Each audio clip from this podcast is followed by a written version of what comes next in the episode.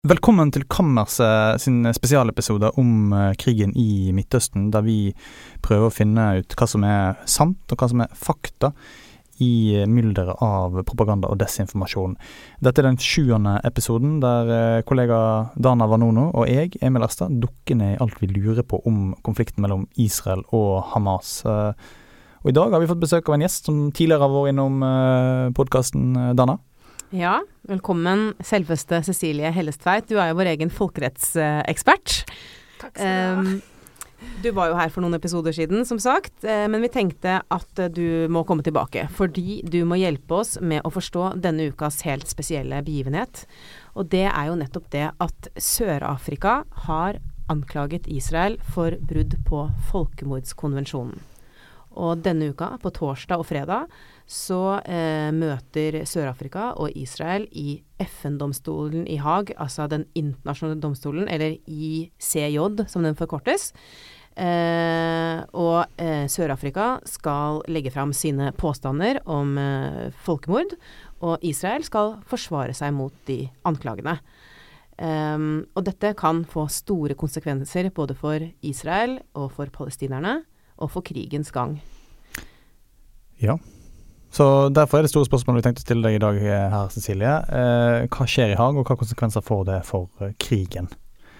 Nei, altså Dette her er jo en, en, form for rettsprosess som egentlig handler om storpolitikk, faktisk. Eh, den internasjonale domstolen i Haag, altså FN-domstolen, International Court of Justice, er den viktigste domstolen vi har i verden sånn folkerettslig. Den har sin hjemmel i FN-pakten, og alle land som er FN-medlemmer, er på en måte forpliktet av mye av det den sier om FN-pakten og en del FN-traktater.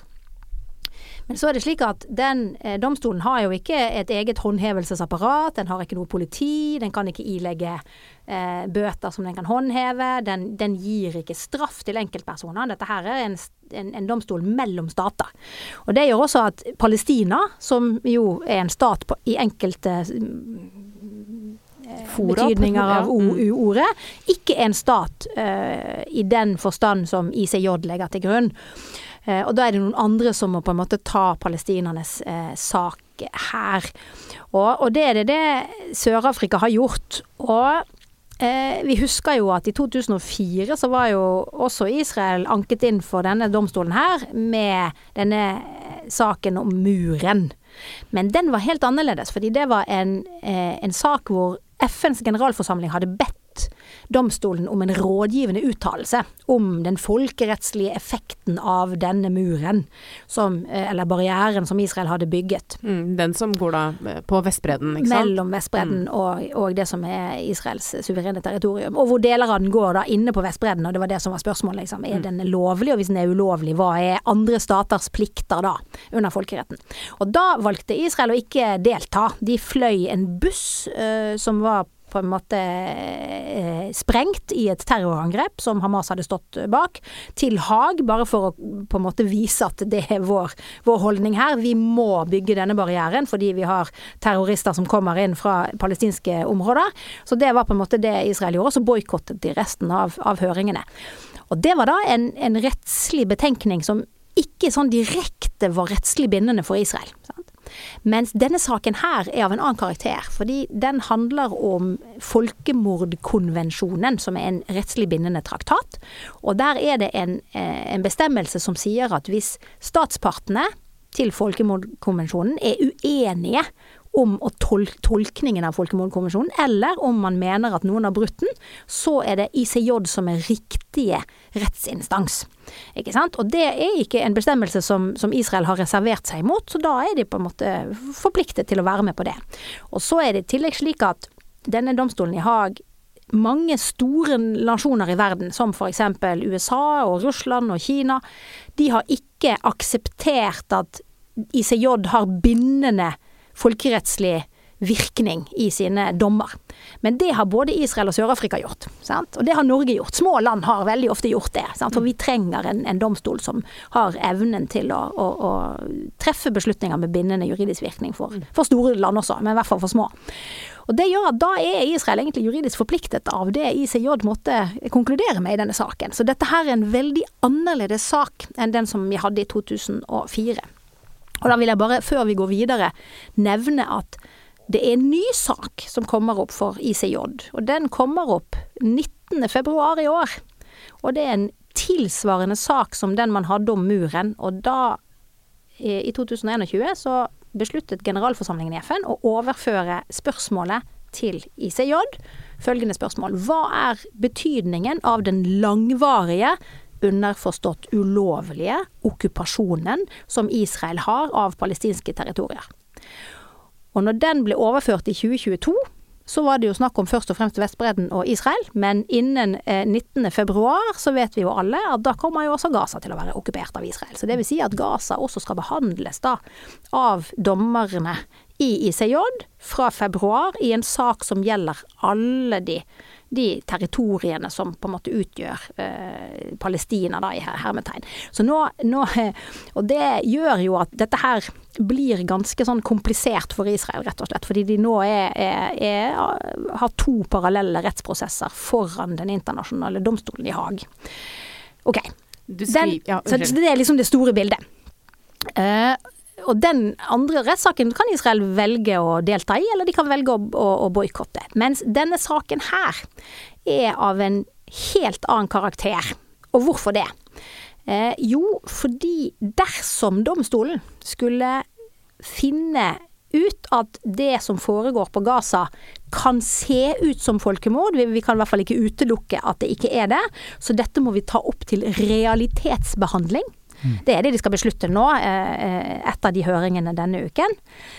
Da vil du potensielt kunne få en dom i ICJ, hvor ICJ sier at Israel bryter folkemordkonvensjonen.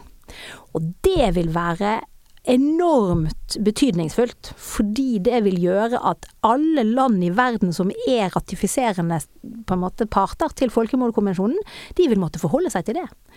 Og det gjør at man ikke kan eh, selge våpen til Israel, man må begynne å se på bilaterale eh, samarbeid, og hva er det vi egentlig eksporterer til Israel som kan brukes til medvirkning i folkemord. Så det vil komme veldig mange politiske, men også til dels juridiske effekter av dette i mange land i verden. Så det, det er en veldig alvorlig potensiell ting som kan skje langt der fremme. Men det gjør at Israel er nødt til å handle allerede nå for å på en måte eh, prøve å håndtere dette på en måte som gjør at Israel får det slik de vil. For palestinerne så er kanskje bare det at Sør-Afrika har gjort dette, er i seg selv en seier for palestinerne. Dersom domstolen konkluderer med at her finnes det så mange ting i den klagen som gjør at vi ikke kan utelukke folkemord. Mm -hmm. Så vi må ta det opp til realitetsbehandling. Da har allerede egentlig palestinerne vunnet. Mm. Eh, for da vil du få en lang prosess de neste årene hvor Israel må forholde seg til at de anklages for å begå folkemord overfor palestinerne på Gaza. Og så er det et annet spørsmål også som skal behandles i neste, eller denne uken, og det er hvis domstolen bestemmer seg for at vi skal realitetsbehandle dette, så har Sør-Afrika bedt domstolen om å komme med midlertidige tiltak. Og det er da tiltak hvor domstolen kan si Israel må slutte med de tingene som Israel gjør, som kan medvirke til folkemord. Og det er jo åpenbart da en del av de militære operasjonene på, eh, på Gaza. Og så kan du si jo, men hvis domstolen sier det, det trenger jo ikke israelerne å respektere. Jo, faktisk, fordi det er jo da den samme domstolen som har bestemt at vi skal ta stilling til hvorvidt det foregår folkemord på Gaza. Og da vil Israel måtte i veldig stor grad forholde seg til de ordrene som kommer fra den domstolen, fordi det er den domstolen som skal ta stilling til hva slags hensikt israelerne har med sin militære operasjon på Gaza. Så det gjør at det har en ganske tung effekt, rett og slett. Selv om du verken har en, en politi eller en, et fengsel eller en hær som ICJ kan, kan sette bak, så er dette eh, noe av det på en måte mest kraftfulle den internasjonale domstolen i Haag faktisk kan gjøre. Og da må vi nesten ta et skritt tilbake. Eh, fordi eh, anklagene om folkemord de har vi ikke bare hørt fra Sør-Afrika, de har vi hørt ute i eh, protester i gatene verden over. Eh, så da har jeg et tredelt spørsmål til deg, Cecilie, og det er Vi må ha litt klarhet i hva et folkemord er. Og så må vi ha litt klarhet i eh, hva som kan tale for at Israel begår et folkemord, og hva som taler mot at Israel begår et folkemord. For det er ikke bare at vi hører protestene og, om at det er et folkemord, men vi hører jo også eh, mange som svarer tilbake at dette er det ikke. Så hva er et folkemord, og hva, hva taler for og imot at Israel begår et folkemord akkurat nå? Folkemord etter folkemordkonvensjonen det er altså det juridiske begrepet folkemord. Det er et snevert begrep. Det er mye snevrere enn det som vi vanligvis forbinder med folkemord når vi snakker om folkemordet på armenerne, folkemordet på kurderne f.eks. Det er folkemord hvor det er veldig stor uenighet egentlig i juridiske sirkler om dette er tale om eh, juridiske folkemord. Mm.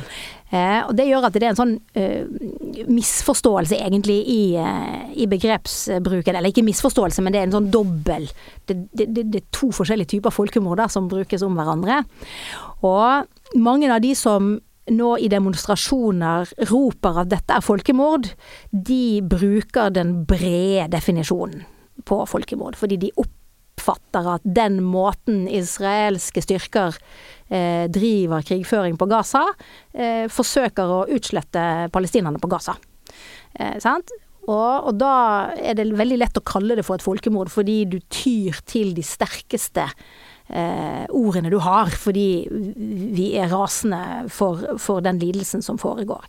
Det er vi egentlig alle synes at det er helt forferdelig det som foregår, både på israelsk, men, men særlig på, på, palestinsk side nå. Dette her er fryktelige eh, øyeblikk, eller, eller, en veldig forferdelig periode i den konflikten som vi gjennomlever akkurat nå.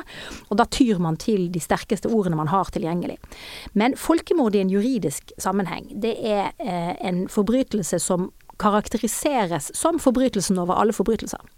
Grunnen til det er at folkemord veldig ofte foregår i tilknytning til krig. Men, og hvis du skal ha en krigsforbrytelse f.eks., eller de andre internasjonale forbrytelsene som forbrytelser mot menneskeheten, så er det mange sånne tekniske betingelser som må være til stede. Det må være en væpnet konflikt, og så må det foregå i forholdet mellom partene. Og så er det en del sånne andre ting som snevrer det inn. Folkemord skal være en, en forbrytelse som er hevet over de eh, begrensningene der. Så det, det er egentlig helt irrelevant om det er krig eller ikke. Ikke sant? Så det er det ene. Og det andre er at i motsetning til en del av de andre internasjonale forbrytelsene, som krigsforbrytelser eller, eller, forbrytelser mot menneskeheten, så handler jo de andre forbrytelsene gjerne om måten politikk gjennomføres på. Sant? Du har en eh, Du ønsker å fordrive et folk fra et område, du ønsker å, å, erobre militært et område, og da bruker du disse virkemidlene her, og der går du over streken, og så blir det forbrytelser. Folkemord er egentlig av en litt annen karakter, fordi det er en begrensning på hva som er lov å ha en politikk om.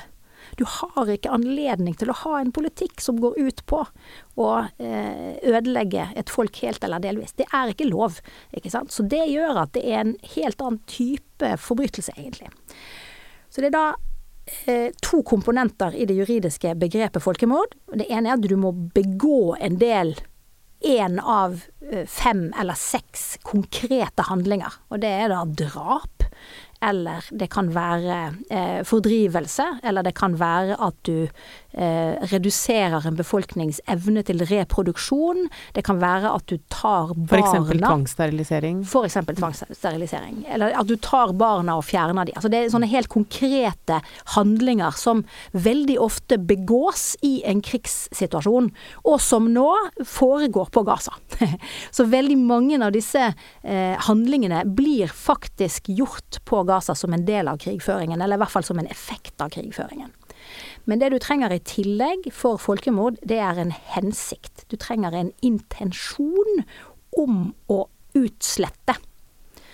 Eller ødelegge et folk helt eller delvis. Og det er der egentlig krangelen eller spørsmålet ligger. Sant? Fordi eh, også israelerne er egentlig enige om at de effektene som beskrives i, klagen fra Sør-Afrika, de finner sted. Mm.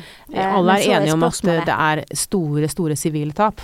Alle Spørsmålet er, er, om intensjonen er å utslette palestinerne som folk på Gaza, eller om det er en del av krigføringen for å utslette Hamas. Ja. Det Sør-Afrika har hevdet, er at dette er en eh, en militæroperasjon som har begge karakteristikker ved seg. Både handlingene og intensjonen. Og begrunnelsen til Sør-Afrika for det er to, egentlig. Og det ene er at en del israelske tjenestemenn, til dels da både ministre i regjeringen til Netanyahu før krigen, ikke sant, eh, som fortsatt er med i unntaksregjeringen, men som ikke er med i krigskabinettet. De sitter på sidelinjene, egentlig, og eh, sier ganske mye som gir grunn til å tenke at her er det folkemodig i intensjon. Sant? Så det er en del av klagen. Og så er det andre eh, israelske tjenestemenn som også har kommet med tilsvarende eh, uttalelser, som har blitt tatt med i klagen for å underbygge at her er det en slags plan om å fordrive eller å utslette palestinerne på Gaza. Eh, og så er spørsmålet Det er på en måte det ene vi vet jo at det er jo ingen plan som har blitt lagt i Israel om å utslette eh, palestinerne på Gaza. Ikke sant. Eh, det tror jeg vi kan egentlig konstatere. Fordi situasjonen frem til 7. oktober var jo slik at Israel eh, regnet med at Hamas var egentlig eh, fornøyde med tingenes tilstand. Eh, og at det som foregikk der handlet om å kontrollere folk på Gaza, ikke om å forberede et stort angrep på Israel. Ikke sant. Og det er jo ikke en situasjon hvor du planlegger en massiv eh, invasjon invasjon hvor du skal liksom utslette eller fordrive en befolkning. Så, så den type planer som ofte er eh, forbundet med folkemord, sånn som f.eks. IS hadde i, overfor jesidiene i Irak, den type folkemord er det ikke snakk om her. Det er eventuelt da snakk om at måten israelerne driver sin krigføring på, viser folkemordhensikt. Så det er egentlig det som er kjernen i denne saken her, om krigføringsmetoden til israelerne kan underbygge eh, ideen om at hensikten er egentlig å fordrive palestinerne på Gaza, og ikke bare å nøytralisere Hamas. Så det kommer den eh, diskusjonen til å stå om, i hvert fall dersom ICJ bestemmer seg for å ta denne saken opp til behandling. Da blir det det som blir saken er denne måten å føre krig på, som har så store konsekvenser for sivilbefolkningen, som ødelegger så store deler av infrastrukturen, og som får de konsekvensene den gjør for sivilbefolkningen, er det egentlig noe som skjuler en folkemordshensikt. Eh, Personlig så vil jeg bli ganske overrasket hvis ICJ skulle konkludere med det. Hvorfor da? For den måten som folkemord har blitt tolket hittil, har vært eh, betydelig snevrere. Eh, og det gjør nok at jeg tenker at det som foregår på Gaza i dag, er i utgangspunktet ikke folkemord i en juridisk eh, forstand. Men så er det to kommentarer å knytte til det. Og det ene er at en sak som Gambia førte for Eh, brakte inn for ICJ om Myanmar, om folkemord, eh, i 2019 og 2020. Der valgte domstolen allikevel å ta saken opp til realitetsbehandling. Litt, Selv om de konkluderte med at det ikke var det? De har ikke egentlig konkludert der enda. Men det, da hadde de en tilsvarende behandling som du nå skal ha eh, i Haag denne uken. Og da var ICJ sin, eh, sitt resonnement var følgende. Vi ser at det er både krigsforbrytelser og forbrytelser mot menneskeheten som begås, og vi kan ikke utelukke at det også kan være folkemordhensikt bak. Så når vi ikke kan utelukke det, så, bør vi ta det opp til realitetsbehandling. Og terskelen for å indikere folkemord for at vi skal ta det opp til behandling, er mye lavere ikke sant, enn å bevise det i selve rettsprosessen. Og Det gjør at det, det er ganske sånn, hvis, hvis, domstolen følger den presedensen som den etablerte i Myanmar, så kommer domstolen antageligvis til å si at dette må vi ta opp til behandling. Eh, og det domstolen gjorde i Myanmar, var også å pålegge myanmarske myndigheter å rapportere til domstolen hvert halvår og hvert år om hvilke tiltak de foretok for å redusere risikoen for folkemord, eller for internasjonale forbrytelser. Og dersom domstolen gjør det samme her, så kommer jo Israel da til å en, bli beordret om å ikke foretar seg de handlingene som særlig eksponerer for folkemordhensikt. Og det blir jo da eh, å instruere alle israelske tjenestemenn og politikere om å ikke si sånne ting som kan insinuere folkemord. Det vil innebære eh, en tydeligere tilrettelegging for humanitær hjelp til sivilbefolkningen, og det vil kreve en endring i målutvelgelsespraksisen som israelerne har brukt hittil på Gaza. Så spørsmålet er selvfølgelig om, om, om den prosessen da presser Israel til å endre på litt av måten de, de, driver sin krigføring på. Både fysisk på bakken og retorisk, egentlig, i informasjonsdomenet. Dersom denne, denne rettssaken eh, settes i, verk. Men altså, hva konsekvenser vil det uh, hvis, hvis, hvis, en da gjør sånn i, i tilfelle med Myanmar, uh, hva konsekvenser vil det få for aktører som uh, Betamar, Bengvir og den ytterliggående eh, aktørene i israelsk politikk. altså Hvis de fortsetter å si disse tingene som, som tydelig indikerer at de ønsker å bli kvitt palestinerne fra Gazastripa, som, som, er kanskje eh, det politiske standpunktet de har. da. Eh, hvis de fortsetter å si sånne ting, hva, hva, hva vil domstolen i Haag kreve at israelske myndigheter gjør med den type eh, ytringer? Nei, de vil jo ikke kreve noe. De vil bare notere seg at her er, har vi en israelsk stat som ikke er i stand til å eh, begrense eh, folkemordoppfordringer fra sine egne regjeringsmedlemmer, og da må vi forholde oss til det i vår behandling av hvorvidt det foreligger folkemordhensikt. Mm. Men da vi er tilbake igjen til det som er mulige effekter av dette. For det betyr jo i praksis da at, at uh, disse mer ytterliggående ministrene i Israels regjering kan risikere å bli holdt ansvarlig for at Israel ikke får tilgang på våpen. Det er en alvorlig anklage for Eh, ministre som allerede nå kommer til å bli veldig hardt behandlet av de kommisjonene som skal settes i verk for å se på hva som egentlig skjedde i Israel opp til 7. oktober.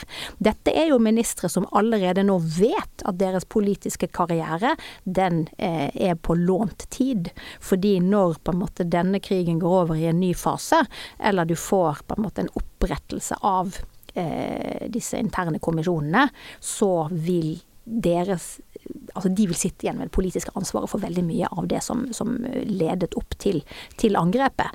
Eh, og da kan de jo ikke også bli sittende igjen med ansvaret for å ha eh, lagt til rette for et angrep og være med på å svare, og så være ansvarlig for at Israel ikke har tilgang på våpen. Det går jo ikke. Så, så, så her ligger det jo ting som, som, eh, som legger et betydelig press også på den ytre ytre høyredelen av israelsk politikk. Eh, I forrige uke så kom det jo til hongemeng, faktisk, mellom disse ministrene og mer sentrale eh, folk i det israelske militæret, fordi man jo ønsker å sette i gang undersøkelser i det israelske militæret om hva som egentlig foregikk. Eh, opp til 7. oktober og, og selve 7. oktober for å få klarhet i, i uh, hva som skjedde. Fordi det er klart, jo lenger tid det går, jo vanskeligere blir det med den type undersøkelseskommisjoner, fordi tiden går. Mm. ikke sant? Og denne krigen kommer trolig nå til å vare ganske lenge, og da må man sette i gang disse undersøkelsene før krigen er over. Men, men, og det er jo å puste disse ministrene i nakken. Mm. Og så er det også slik, bare for å si det før vi, før vi, går videre på det juridiske, at i Israel så har vi en unntaksregjering som omfatter store deler av det politiske Israel. Fordi Israel er i krig. Alle eh, må til pumpene, og alle samarbeider om den krigsinnsatsen. Sant? Det gjør at du har en fullstendig unntakstilstand i Israel. Alle vanlige politiske saker er egentlig satt på hold, i hvert fall i, i noen grad. Og det er Israel i bredt. Sant? Så den regjeringen til Netanyahu, som var veldig høyreorientert, den har jo på en måte nå fått følge av veldig mye større deler av det politiske Israel. Mm. Og så har du krigskabinettet, som er veldig snevert, på midten. Sant? Hvor du har sentrumsparti eh, pluss Netanyahu. Og der er settlerbevegelsen og de ministrene de er ekskludert fra det. Så de er ikke med på den indre planleggingen av krigen. De er ikke med på diskusjonene om hva som skal skje på Gaza dagen derpå. Og det forklarer også i noen grad hvorfor disse ministrene sitter og uttaler ting som nettopp er ment å skape mye uro rundt hva som skal være hensikten. Sant? Så det er også viktig å være klar over. en slags eh, uavhengighet ved å ikke være i de innerste sirklene, og den utnytter de. Ja, eller du kan også se det på den måten at de til en viss grad er ekskludert og fungerer som spoilere. Mm. Og det er en en, en, krevende situasjon for uh, den israelske ledelsen, som nå er i en krig. De er en krig full krig på Gaza. De har en nesten full krig mot Hizbollah eh, i nord, og de har en eh, semikrig mot houthiene i, eh, i, sør, i Eilat, i de sørlige havnene sine. Sant? Så det er klart, dette er en situasjon hvor, hvor det å drive med alminnelig politikk er vanskelig. Så, så, så, man skal også være klar over den dynamikken der, og så blir spørsmålet hvordan påvirker den rettsprosessen i Haag det, den dynamikken?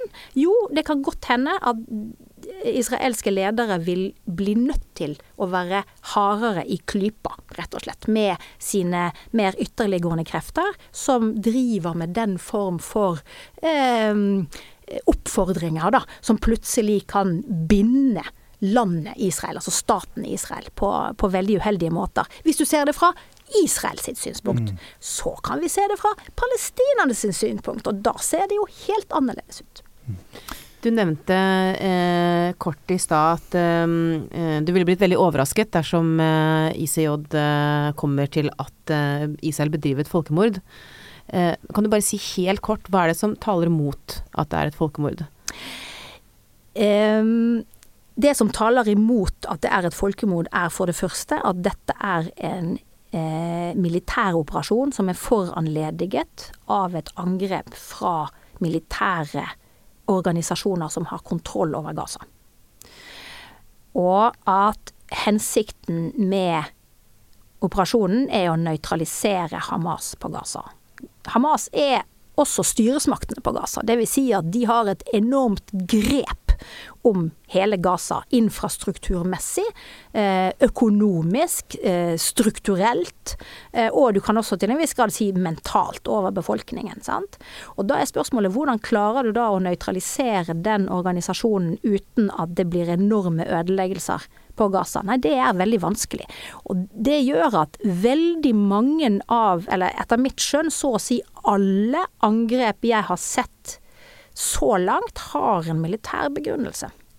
Og hvis det har en militær begrunnelse, og den sivile følgestaden er veldig stor, kanskje for stor, kanskje så stor at det er krigsforbrytelser, så er det allikevel snakk om krigsforbrytelser.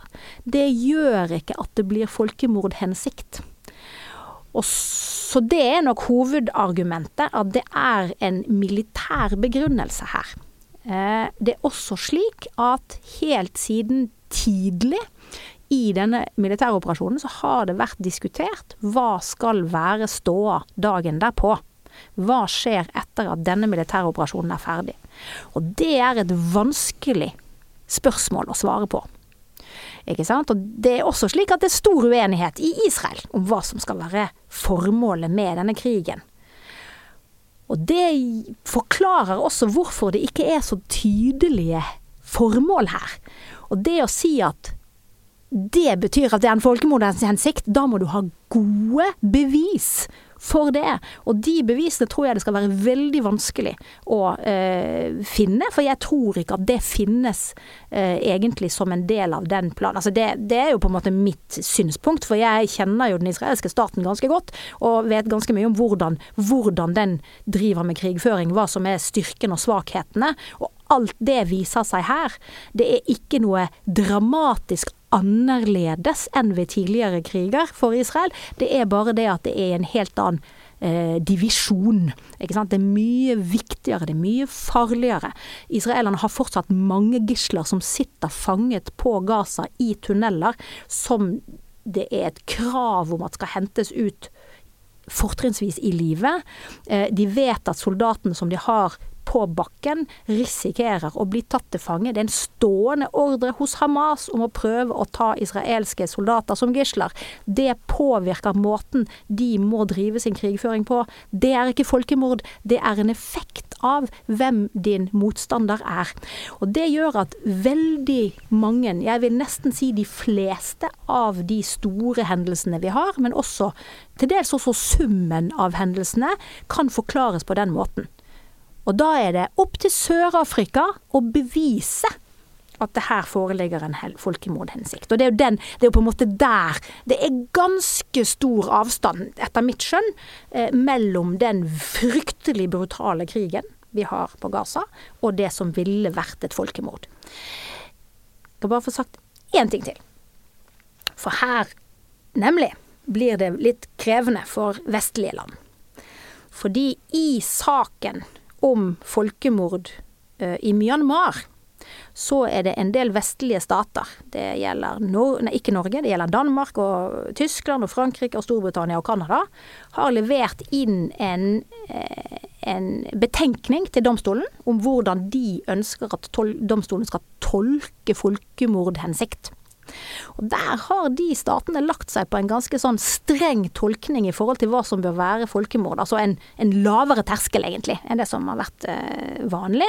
Fordi de ønsker at myanmarske eh, myndigheter, altså militærjuntaen i Myanmar, skal holdes til en høy standard. Men det er jo klart, når vi snakker om folkerett, så kan ikke du si at Myanmar skal være på en måte gjenstand for én type tolkning av folkemord, og så Israel på Gaza en annen. Så da må man på en måte ta den også, og legge den til grunn i forhold til det som foregår på Gaza. Så det som er utfordringen i forhold til, til ikke bare folkemordbegrepet, men folkeretten generelt, det er jo at den, den, handler egentlig om whataboutisme. Det er metoden i folkeretten, ikke sant. Mm. Så du må sammenligne relativt eh, like, eller eh, selve begrepet og måten det tolkes på, må være det samme i de forskjellige konfliktene i verden. Og det gjør at det blir en sammenligning, og det gjør at det blir veldig mye politikk. Og det gjør at nå får man frem alle disse temaene rundt at vestlige nasjoner holder enkelte stater til noen standarder, og andre stater til andre standarder. Og der ligger nok også litt av grunnen til at Sør-Afrika har gjort dette her. Det er en politisk eh, drivkraft bak. Sør-Afrika har hatt presidentskapet i BRICS nå i et år. Dette var noe av det siste de gjorde før de overlot på en måte stafettpinnen til Russland.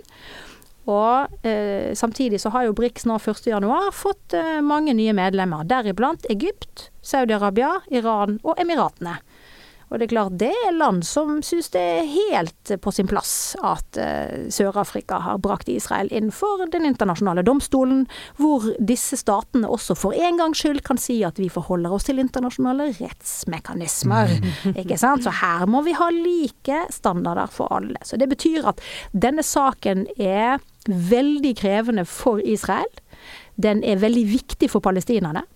For det, vi må også si noen ord om hvorfor dette er en veldig viktig sak for Palestina.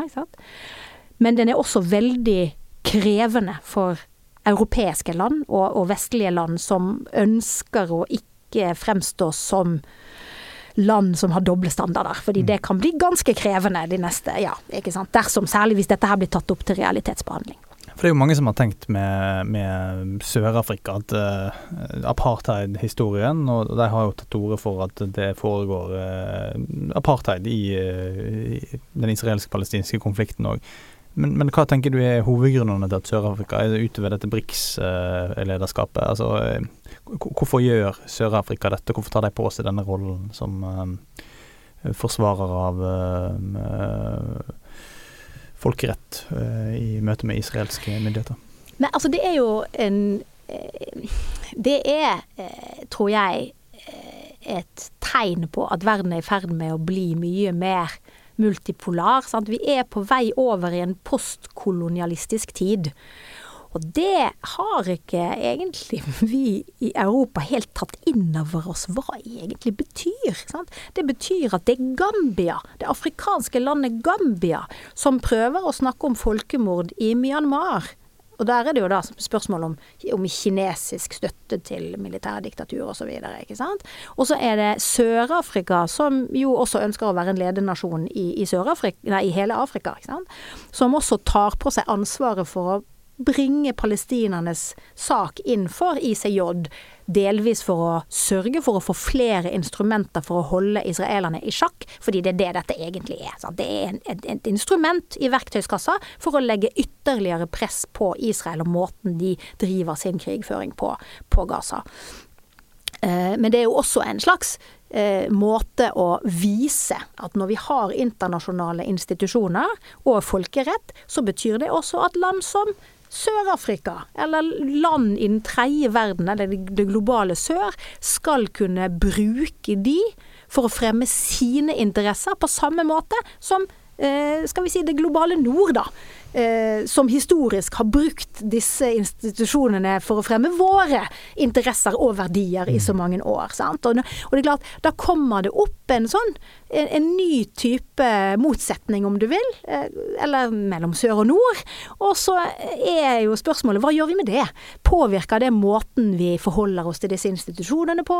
Påvirker det måten vi tolker hvor strenge eh, regler vi skal ha før vi konstaterer at noe er et folkemord? Ikke sant? Og det, det, gjør at vi er på vei inn i, som sagt, en ny æra, også for de internasjonale institusjonene. Og så er det jo enkelte i vår del av verden dette er ikke noe som jeg har en sånn når, altså jeg har ikke noen synspunkter på om det er bra eller dårlig, men jeg registrerer at mange vestlige jurister og andre politiske kommentatorer avfeier det litt. Ikke sant? Det, det, er akkurat som om de ikke helt tar inn over seg at det har skjedd en maktforskyvning her. Fordi det er flere som har nå tilgang på og bruker disse institusjonene på den måten som vi har pleid å bruke de. Mm. Ikke sant? Gjør det at disse institusjonene blir mindre verdifulle for oss? Eh, utvanner det den makten vi kan utøve gjennom disse institusjonene? Eller ser vi plutselig at disse institusjonene kan brukes mot våre interesser, og sågar kanskje til og med våre verdier? Det har vi jo ikke egentlig sett for oss eller tatt høyde for. sant? Så dette her, denne lille saken, om du vil, da, om den store krigen i Midtøsten, har veldig mange dimensjoner i seg som handler om mye mer, egentlig, enn akkurat uh, den forferdelige krigen som pågår akkurat nå. Det er kjempeinteressant. Og alt dette du sier om uh, innflytelsen og definisjonsmakten som måtte forskyves, eller på en måte eller som det globale sør får mer tilgang på, er jo en egen uh, podkastepisode, egentlig, som vi burde snakke mer om. Du får bare booke deg allerede, Cecilie. uh, du får komme tilbake. Men jeg vil ikke gå før vi har snakket om effektene for palestinerne. Ja, kan vi ikke si nå har du hinta flere ganger om at vi skal stille spørsmål om det. Du, det skal du få lov til nå. Ja. ja. Nei, og det er jo, eh, som jeg var inne på tidligere, at det faktum at palestinerne har jo ratifisert folkemordkonvensjonen, fordi de fikk lov av eh, FNs generalforsamling å bli en, eh, en ikke-medlemsobservatørstat i 2012. Eh, og da fikk de også lov til å ratifisere veldig mange internasjonale traktater. Og på den måten så har jo Palestina i hermetegn blitt en stat med enkelte prerogativer som tilfaller stater. Men de kan ikke bringe Israel inn for ICJ på den måten som alminnelige, eh, erklærte, anerkjente stater som er medlemmer i FN kan. Og det har jo da Sør-Afrika gjort på vegne av palestinerne her. Og det er klart, dette gjør for det første at palestinerne kan hevde at det som foregår på Gaza, altså hvis ICJ da skulle velge å ta dette opp til realitetsbehandling, så har på en måte allerede palestinerne vunnet den narrativen. Fordi de vil da kunne si at vi har den største og viktigste internasjonale domstolen behandler hvorvidt dette faktisk er et folkemord. Det betyr at det er så alvorlig at det kommer i en helt egen kategori. Det kan ikke sammenlignes med det som skjedde eh, i Etiopia, eller det som skjer. Da har du allerede fått et stempel i forhold til alvorlighetsgrad som, som for palestinerne vil være eh, veldig, veldig bra i forhold til narrativen sin. I tillegg så vil det gi mange stater ikke bare en oppfordring til, men nær sagt en rettslig plikt til å presse Israel mer på måten de legger til rette for bl.a. humanitær hjelp, måten de driver med eh, særlig da bruk av autonome eh, overvåkningskapasiteter eh, og autonome våpen. Eh, det ser jo ut til at det har noen effekter her, ikke sant, som, som, som man kommer til å, å, å, se litt i sammenheng med dette. og Da kommer det til å bli et, et, et betydelig sterkere press på Israel om å endre modus operandi på Gaza. sant? Eh, og så kommer det til å også bli mer eh, begrensninger på hva israelske styresmakter kan si om mulige utfall på Gaza. Så det begrenser egentlig det der rommet som israelske styresmakter har i forhold til å true palestinerne med eh, deportasjon, eller nå skal vi flytte alle ned dit. Det kommer til å forsvinne fra diskusjonene. Sant? Så det gjør at hvis ICJ tar dette opp til realitetsbehandling, så har eh, palestinerne egentlig klart å, å, å bokse inn israelerne. Både i forhold til virkemiddelbruk og i forhold til retorikk rundt hva som skal skje på Gaza. Mm. Så det er klart det vil være eh, kanskje den største seieren palestinerne har hatt så langt i denne, i denne eskalerte krigen, da.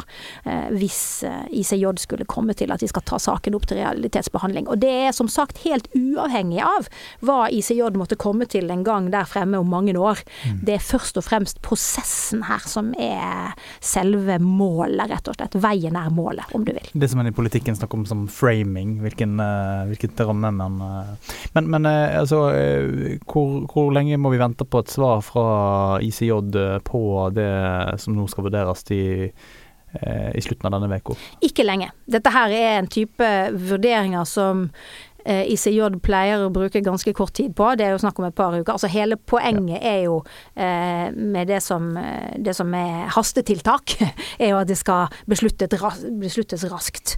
Eh, og det er som sagt begrunnelsen for det er at Sør-Afrika har eh, lagt ned en påstand om at eh, hvis ikke domstolen beslutter den type tiltak, så risikerer man liksom folkemord mens ICJ behandler klagen. Mm. Så det gjør at man ønsker ønsker å få en avklaring veldig raskt. A. Om det realitetsbehandles, og B. I så fall om Israel er nødt til å endre på en del ting for å, for å vise at dette her eh, Altså ta ned risikoen for at det foregår folkemord mens ICJ behandler klagen. Og som sagt, den klagen som kom på Myanmar i 2019 er fortsatt til, til realitetsbehandling i, domstolen. Så, så, så selve liksom, behandlingen av, av klagen kan, kan, ta mange år. Mm. Eh, og antagelig kommer til å gå i det systemet lenge. Men, men igjen, altså. Her er det, det er veien som, eller prosessen som egentlig er målet.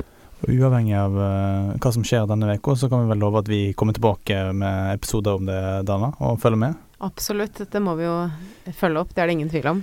eh, vi har fortsatt mange spørsmål. Det er jo alltid veldig veldig interessant å prate med deg, Cecilie. Og vi har kommet tilbake med flere episoder. Så har du ris, eh, ros, tips eller innspill, kan dere sende oss en e-post på kammersvl.no. Vi, vi, får vel avslutte for i dag, tror jeg. Eh. Så vil vi si tusen takk for at du kom, Cecilie Hellestveit. Takk for at jeg fikk komme.